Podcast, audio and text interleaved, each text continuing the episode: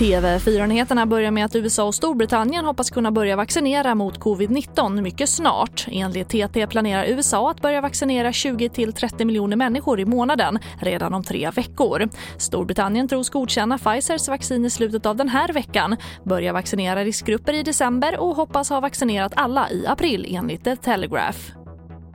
Och här hemma har 93 av landets kommuner bekräftad eller misstänkt covid-smitta på sina äldreboenden. Det visar en enkät som SR gjort där 220 av landets 290 kommuner svarade. Endast 8 kommuner beskriver läget som allvarligt eller mycket allvarligt. 46 beskriver det som allvarligt men under kontroll. Och vi avslutar med att 9 av 15 testade kaffefilter innehåller stora mängder bly. Det visar Råd &ampampers senaste undersökning. Tre av dem släpper ifrån sig mer än gränsvärdet för dricksvatten, det vill säga 10 mikrogram per liter. Och värst är Coop Extras kaffefilter som släpper ifrån sig mer än det dubbla.